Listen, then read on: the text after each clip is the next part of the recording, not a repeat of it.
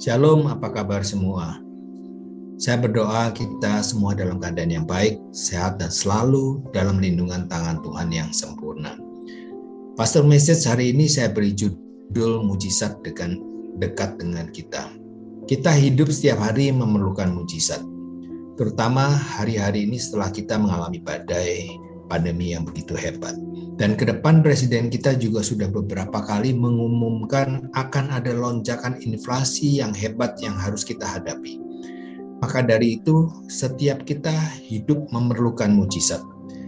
Tuhan bisa buka jalan di saat tidak ada jalan. Tuhan bisa buka yang tertutup.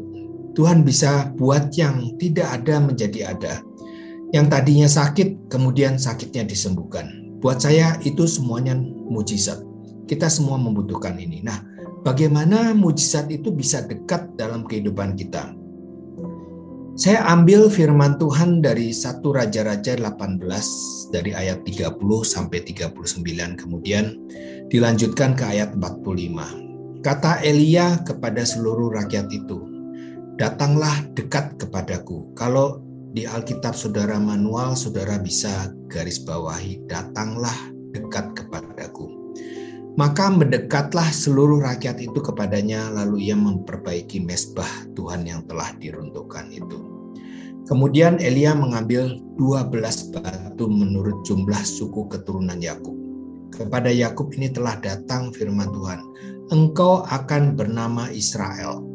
Ia mendirikan batu-batu itu menjadi mesbah demi nama Tuhan dan membuat suatu parit sekeliling mesbah itu yang dapat memuat dua sukat benih ia menyusun kayu api, memotong lembu itu, dan menaruh potongan-potongannya di atas kayu api itu. Sesudah itu ia berkata, penuhilah empat buyung dengan air dan tuangkan ke atas korban bakaran dan ke atas kayu api itu. Kemudian katanya, buatlah begitu untuk kedua kalinya. Dan mereka berbuat begitu untuk kedua kalinya. Kemudian katanya, buatlah begitu untuk ketiga kalinya dan mereka buat begitu untuk ketiga kalinya.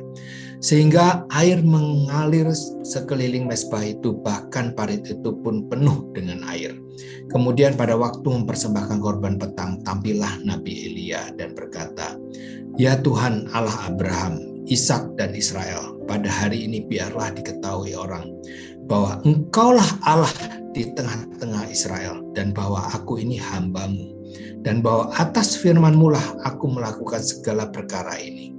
Jawablah aku ya Tuhan, jawablah aku supaya bangsa ini mengetahui bahwa engkaulah Allah yang ya Tuhan dan engkaulah yang membuat hati mereka tobat kembali.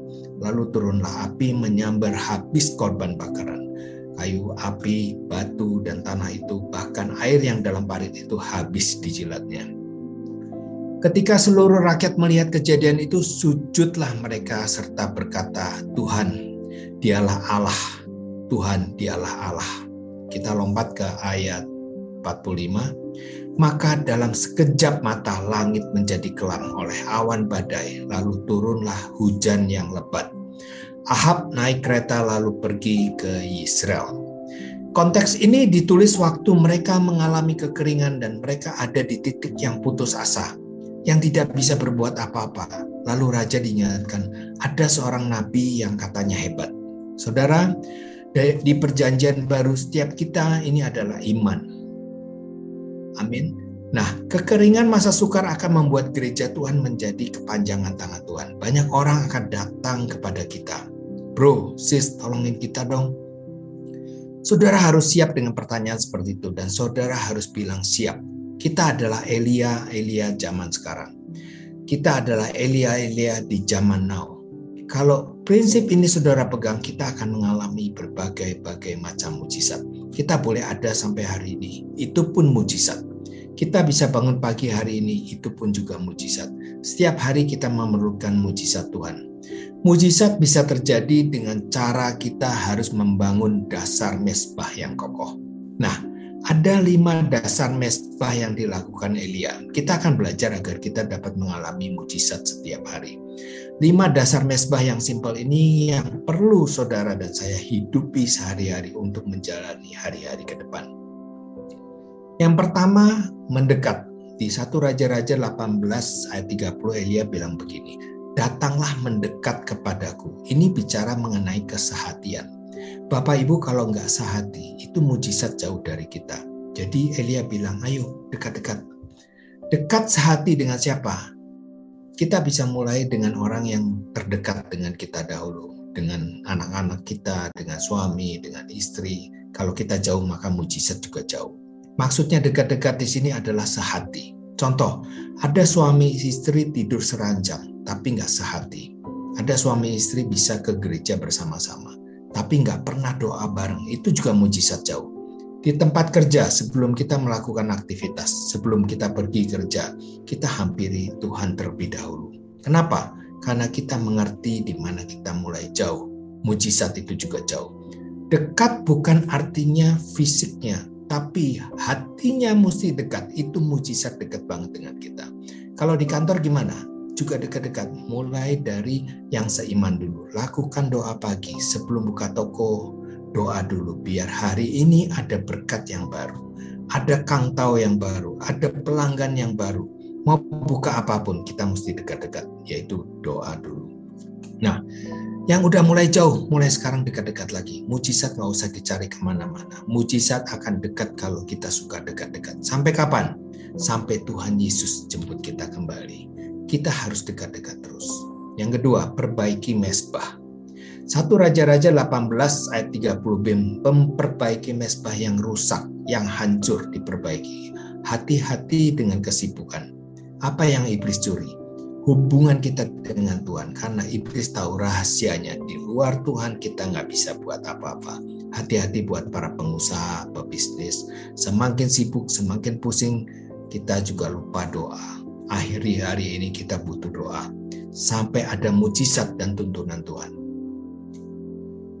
pada saat bangun pagi, hampiri Tuhan terlebih dahulu. Bilang sama Tuhan, saya mau bersama-sama engkau sepanjang hari ini karena di luar Tuhan aku nggak bisa berbuat apa-apa. Yang ketiga, kenapa hujan bisa turun sekejap mata dengan lebat? Mau berkorban. Satu Raja-Raja 18:33 sampai 36. Karena mereka berkorban, memotong-motong kayu, lalu memotong lembu, menaruhnya di atas mesbah. Saudara, memang sering kali Tuhan bisa buat mujizat. Yang sakit bisa langsung sembuh, yang buta bisa langsung melihat, tapi diperlukan pengorbanan. Maksudnya pengorbanan di sini kita lakukan bagian kita. Tuhan lakukan bagiannya. Saat ini bangsa kita akan menghadapi masa yang sukar. Harga barang-barang pokok sudah mulai beranjak naik. Menurut dari beberapa ekonom, ekonom kita akan menghadapi inflasi sampai lima tahun ke depan. Nah, untuk kita bisa melewati masa yang sukar, Tuhan mau setiap kita setia dengan Tuhan. Setia dalam segala hal. Tuhan bisa angkat kita, Tuhan bisa angkat gereja Tuhan. Kita akan tetap diberkati. Kita bisa memberkat, memberkati kota-kota, bahkan memberkati bangsa-bangsa. Kalau Elia bilang hujan turun, bisa terjadi. Dan kenapa bisa terjadi? Karena ada sebuah proses yang melatih karakter kita. Yang keempat, doa dan tindakan. Doa dan tindakan tidak berdasarkan firman Tuhan. Banyak dari kita berdoa nggak alkitabiah. Berdoa dan tindakan itu harus berdasarkan firman Tuhan. Kalau saudara baca doanya Elia, Nabi Baal 450 itu kan sudah nari-nari, praise and worship. Uh, tapi kenapa api nggak turun dari langit? Kemudian Elia bilang begini, Tuhan, saya buat ini sesuai firman Tuhan, yaitu doa, minta, maka akan diberikan kepadamu. Satu Raja-Raja 18 ayat 37 Elia bilang, supaya orang tahu bahwa engkau itu adalah adalah Tuhan yang hidup. Seringkali kita minta mujizat, tapi doanya kita nggak alkitabiah. Jadi doa kita harus ada tindakan dan yang alkitabiah. Jangan-jangan mujizat nggak terjadi karena apa yang kita minta dan apa yang kita lakukan tidak sesuai firman. Yang terakhir, Tujuannya harus benar. Di ayat 37 doa Elia bilang begini, Tuhan jawablah aku, supaya bangsa ini mengetahui bahwa engkau adalah Allah yang hidup. Jadi tujuan mujizat terjadi supaya Tuhan dipermuliakan. Tujuannya benar. doa kita harus tujuannya benar. Kemudian apa yang terjadi? Di ayat 38 Alkitab bilang, dan api turun dari langit. Api di ayat ini dalam bahasa aslinya juga bicara mujizat. Jadi yang pertama kita harus dekat-dekat sehati. Yang kedua, perbaiki mesbah. Ketiga, mau berkorban. Lakukan bagian kita dan Tuhan lakukan bagiannya. Yang keempat, doa dan tindakan harus alkitabiah. Tujuannya harus benar supaya Tuhan dipermuliakan. Kalau saudara melakukan prinsip ini, akan ada api dari surga yang membakar korban kita. Maka surga terbuka dan api turun. Amin. Tuhan Yesus memberkati kita semua.